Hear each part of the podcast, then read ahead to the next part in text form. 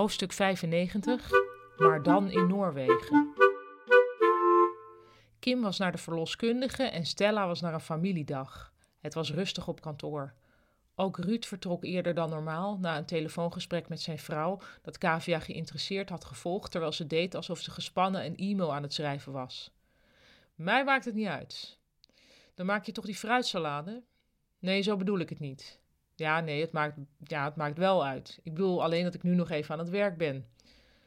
Zou je moeder ze niet halen dan? Dus wat wil je nu concreet van me?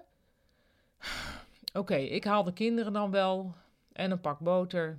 En bladerdeeg. Oké, tot over een uur. Ruud had de hoorn op de haak gesmeten en zuchtend zijn jas gepakt. Ik ben getrouwd met Kim Jong-un, had hij tegen Kavia gezegd.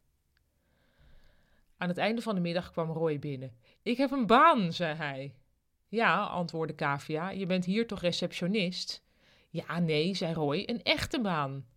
Oh nee, zei Kavia, ga jij ook al weg? Nou, Kaaf, eerst eventjes wat blijdschap en interesse graag. Sorry, zei Kavia, wat leuk voor je. Wat ga je doen?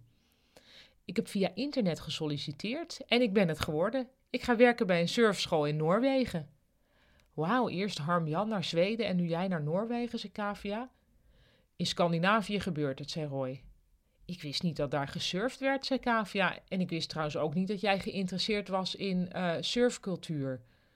Ben ik ook niet, zei Roy opgewekt. Ik ga daar een beetje de telefoon opnemen, afspraken maken, zorgen dat het allemaal loopt aan de voorkant. Een soort receptionist dus, vroeg Kavia. Roy knikte blij. Maar dan in Noorwegen, bij een surfschool.